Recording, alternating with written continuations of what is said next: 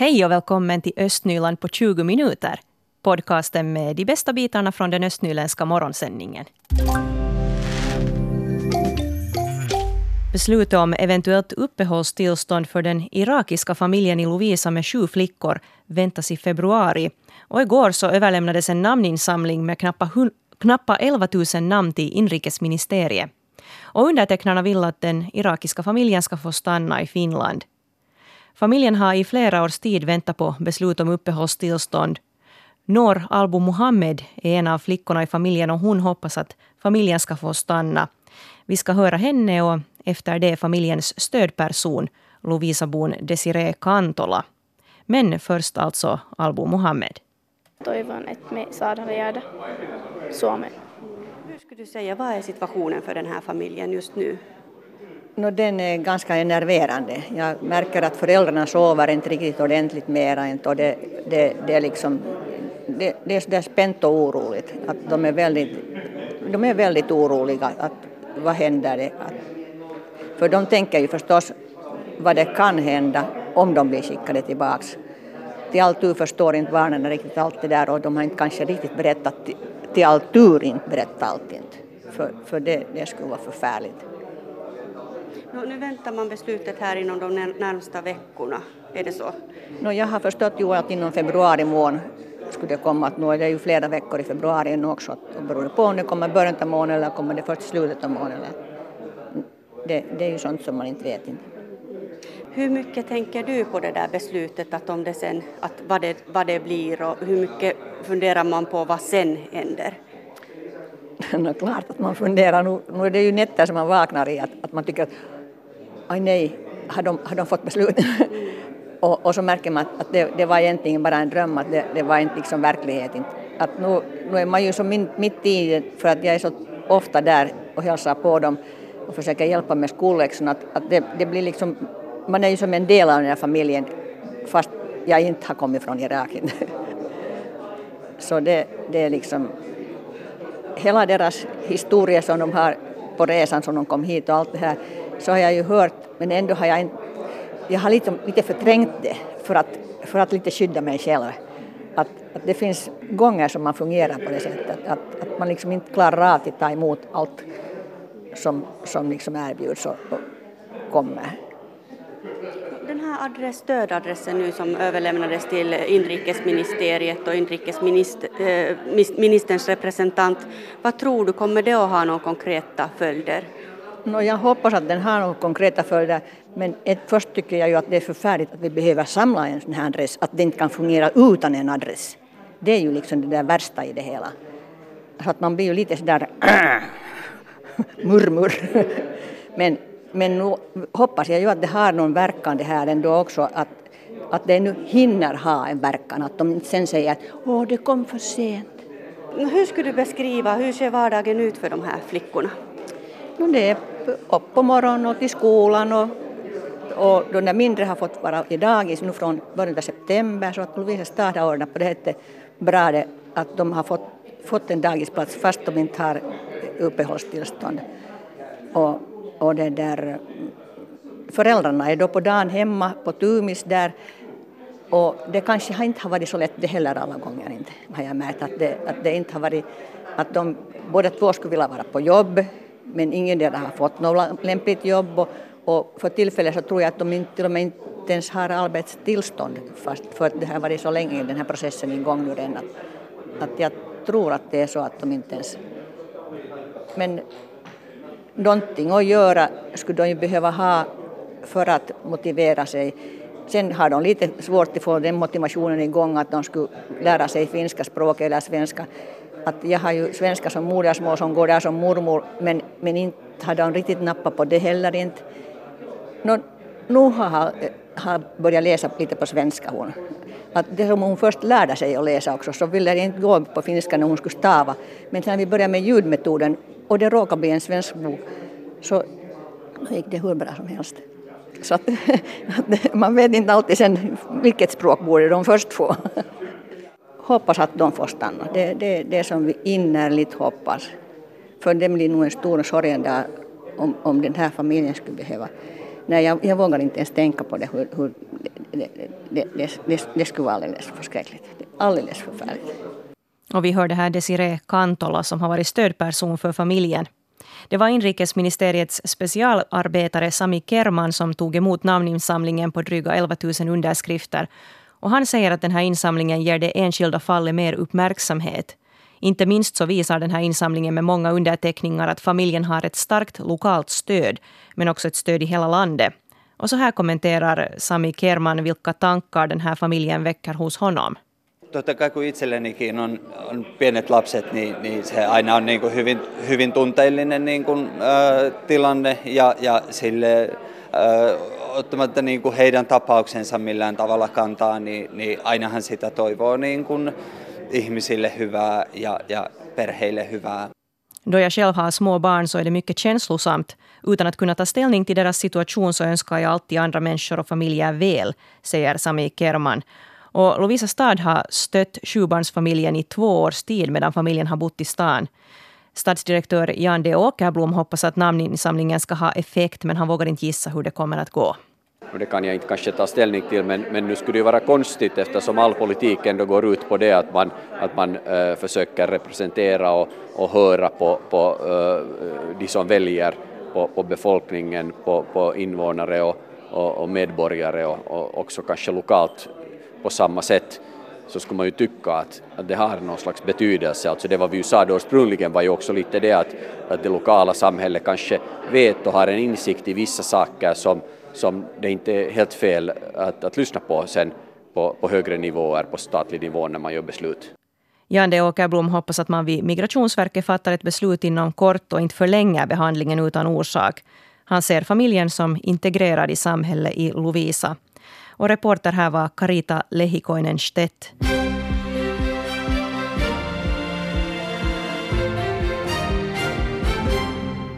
Klockan är halv åtta och du lyssnar på de regionala nyheterna i Östnyland. Jag heter Helena von Olstan. God morgon. Lovisa lobbar för Östra kustbanan, en plan att bygga järnväg längs kusten. De andra kommunerna som är med på den här lobbningen är Kotka, Fredrikshamn, Pyttis och Virolahti. Lovisa stads andel av kostnaderna är, är dryga 3 000 euro. Och Östra kustbanan har nu också en Facebook-sida. Mer än 1300 personer har hittills gillat sidan. Och kort lite goda nyheter från Lovisa. Antalet arbetslösa arbetssökande 25-29-åringar har minskat med 23 procent i Lovisa. Om man jämför uppgifter från november 2018 och november 2019 till Borgå. Fagersta, Vålax, Gränges och Gäddrag ska få en ny delgeneralplan. Markägarna och invånarna bjuds in till en planeringsverkstad idag och imorgon i Gränges skola. Där går det att fundera på var det skulle gå att bygga nytt och hur vägar och cykelvägar kan utvecklas. Information om den kommande delgeneralplanen finns på Borgå stads webbplats. Och social och hälso, hälsotjänsternas påminnelser per sms fungerar inte i Borgå. De mottagningstider som kunderna har bokat är i kraft också om kunden inte har fått en sån här påminnelse med textmeddelande. Social och hälsotjänsterna i Borgå tog under veckoslutet i bruk klient och patientdatasystemet Lifecare. Det är problem i överföringen av information mellan det nya systemet och sms-tjänsten och därför är sms-tjänsten tills vidare ur bruk. Också den elektroniska tidsbokningen är tills vidare ur bruk och Yrkesinstitutet Praktikum samarbetsförhandlar. Rektor Laila Andersson säger i tidningen Östnyland att inga personalnedskärningar är aktuella just nu. Personalen ska omorganiseras och många får nya uppgifter eller titlar. Och de här samarbetsförhandlingarna görs på grund av att Inveon och Praktikum slogs ihop vid årsskiftet. Borgåborna ska få vara med om att ordna ett kvinnodagsprogram. Söndag den 8 mars firas den internationella kvinnodagen i ungdomslokalen Centra. Och det är deltagarna som tillsammans ansvarar för innehållet. Senast den 7 februari ska man anmäla om intresse. Nu på lördag så tas det nya patientdatasystemet Apotti i bruk inom Borgå sjukvårdsområde. Hittills har det här systemet bara tagits i bruk i Vanda i november 2018. Men innan det här årets slut så ska systemet vara i bruk inom hela HUS Helsingfors universitetssjukhusområde. För kunderna så kommer den här förändringen främst att innebära smidigare service i det elektroniska kundprogrammet Maisa. Det här säger i alla fall HUS chefsöverläkare Markku Mäkijärvi. Maisa, det är en eh, elektrisk eh, kundprogram. Kan man få tidbeställning eller byta tid mycket lättare än tidigare. Man kan också få recept eller förnya recept mycket lättare än tidigare. Och det är också möjligt att eh, fylla in i, på förhand många frågeformulär och eh, allt sådant, till exempel när man kommer till, eh, till kirurgiska operation och eh, om man har frågor från sin, eh, sin behandling eller, eller fortsättning, det är lätt att skriva en meddelande i det här MAISA-systemet och och sen får man svar på samma dag eller nästa dag. Det är 24-7 i bruk det här systemet. Alltså många, många goda saker tycker jag. Finns det några andra konkreta fördelar med det här systemet? Förstås när vi talar om eh, hur behandlingen eh, i olika enheter, till exempel alla dator från eh, behandlingen och och visningar.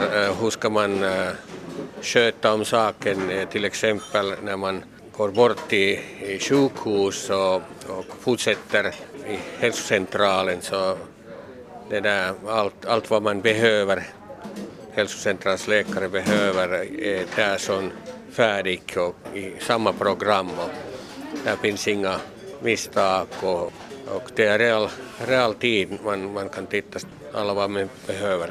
Hur kommer den här övergången synas för kunderna? Äh, inte så mycket. Alltså, Borgå sjukhus äh, ska fungera som tidigare. Lite mindre äh, tidbeställningspatienter har vi på några veckor.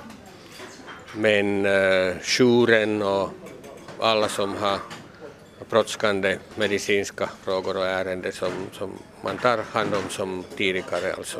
Där är ingen skillnad. Kanske lite långsammare går funktionerna men alla sköts om.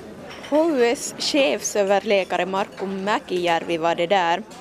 Och nu står jag här med Marie Nystedt som är avdelningsskötare här på sjukhuset i Borgå. Och Marie, du har en lite erfarenhet av det här systemet, vill du berätta om den? Ja, alltså genom skolningar förstås som vi har gått och sen eh, nu i helgen, lördag och söndag, så flyttar vi över våra patientköer och de kommande tidsbokningarna till Apotti och via det så fick jag själv också använda programmet för att göra ombokningar och, och göra granskningar av att allting har gått rätt till. Hur tycker du det gick? Jag tycker det gick jättebra. Vi hade förväntat oss att det skulle vara mera patienter som vi skulle ha göra korrigeringar av men att det var betydligt mindre, det var nästan hälften mindre än vad vi hade räknat med och vi hade jättebra personal på plats, sjukskötare och sekreterare som utförde det här jobbet och jätteeffektiva och stämningen var god. Hur kommer det, det här nya systemet att märkas i personalens vardag? Det kommer att ändra lite på hur vi jobbar. Eh, hittills har vi skrivit en hel del. Eh, nu kommer det att vara mera eh, checklistor som vi använder på operationsavdelningen till exempel har vi hittills haft pappersblanketter och nu går vi över till att göra allting elektroniskt och det är en ganska stor förändring för, för personalen. Vad tycker du om det då? Jag tror att det är riktigt bra och att vi får alla uppgifter som ska vara där, att vi får dem också uppskrivna och att tiderna säkert blir rätt. Och läkemedlen är en sak som ofta diskuteras och det att vi kan göra bättre ifrån oss och att den kontrollen blir bättre är, är viktigt. Och det konstaterar här avdelningsskötare Marie Nystedt vid Borgå sjukhus. Och tidigare i inslaget så hörde vi också HUS chefsöverläkare Markku Mäkijärvi. Och det var Hedvig Sandell som var reporter.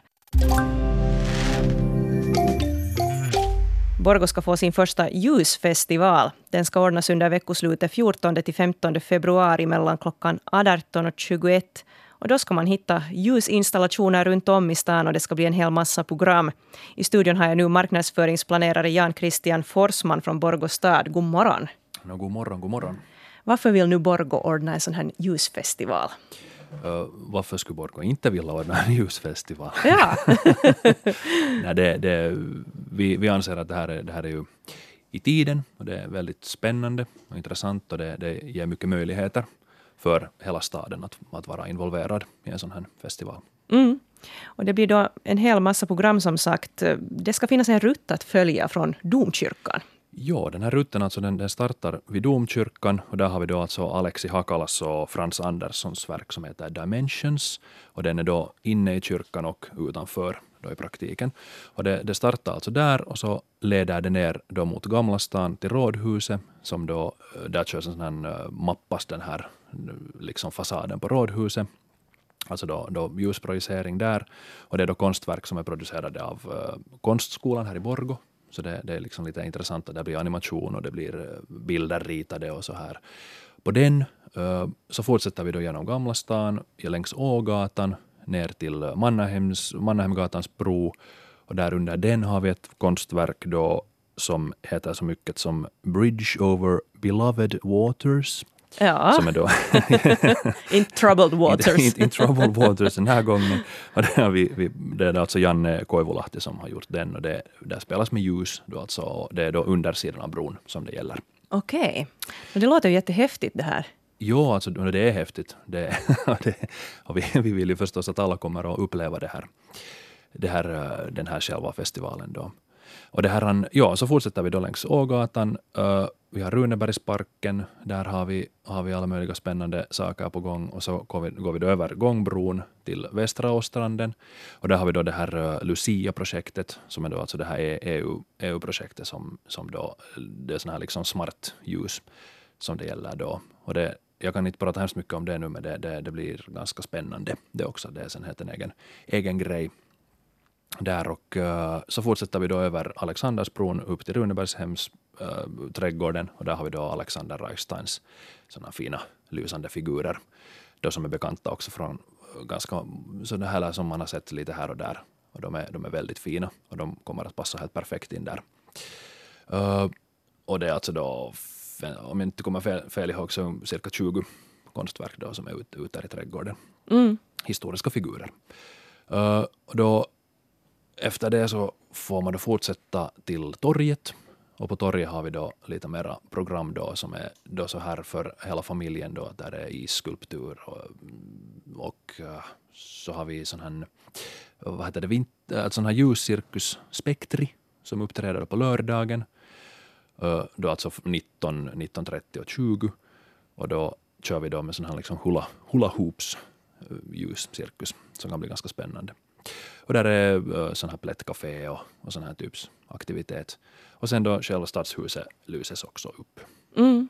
Så, så lite för alla finns det där program? Är def, definitivt, och det, där är ganska mycket för alla. Och det, det som också jag skulle vilja nämna så den här själva ljusstigen då som går från hela genom Gamla stan. Det är då alltså i butiker längs med stigen så har vi då sån här LED-ljus som lyser upp så det blir en ganska fin sån här liksom en sån här ljusström som går genom stan. Så det här med att följa den så, så hittar, man, hittar man säkerligen rätt. Och du nämnde här före vi började att det är många lokala företagare som har kommit med här och ja. man ska hålla kvällsöppet här i, i butiker i stan. Och, yes. och det, det, är också lite annat som hänt på gång. Som jag läste till exempel att vid Hammars SEO skulle det också bli någonting spännande. Vad kan du berätta om det? Ja, där, där är en sån, här, en, en sån här gammal bil som lyses upp. Att där är fyra, över 4000 LED-ljus installerade på en sån här bil. Och det här, sen om vädret tillåter så blir det lasershow då från de här sågholmarna utanför, så det kan bli, bli ganska fint. var har ni hämtat nu inspiration till det här? Är det från Helsingfors eller några andra större städer? Äh, uh, nu, jag skulle inte säga direkt Helsingfors på det sättet. Det, det är nog mera äh, sån här, en egen grej det här att vi, vi har som, som tema att vi vill lysa upp existerande byggnader i Borgo. Att det, vi har liksom Borgo då som, som, här, som yta då, här. Och, och det här, vi har just det här att det är liksom för hela familjen och det är för alla den här festivalen. Att, att vi, vi kör med såna liksom ljuset före, så att säga. Nå, hur många besökare väntar ni er under festivalen? Det är en väldigt bra fråga. Att nu, I och med den här ordnas första gången, den här festivalen, så är det ganska svårt att säga. Att vi hoppas ju förstås på att så många som möjligt hittar, hittar hit. Mm, och att det blir sådär passligt med folk. Passligt med folk, ja. Att, att allting går smidigt. Och uh, det sagt så hoppas vi på att människor börjar rutten från kyrkan. Att det blir en sån här ström genom stan. Det, det skulle bli... Det är, liksom, det är inte nödvändigt, men vi, vi hoppas på det, att, att det blir en sån här...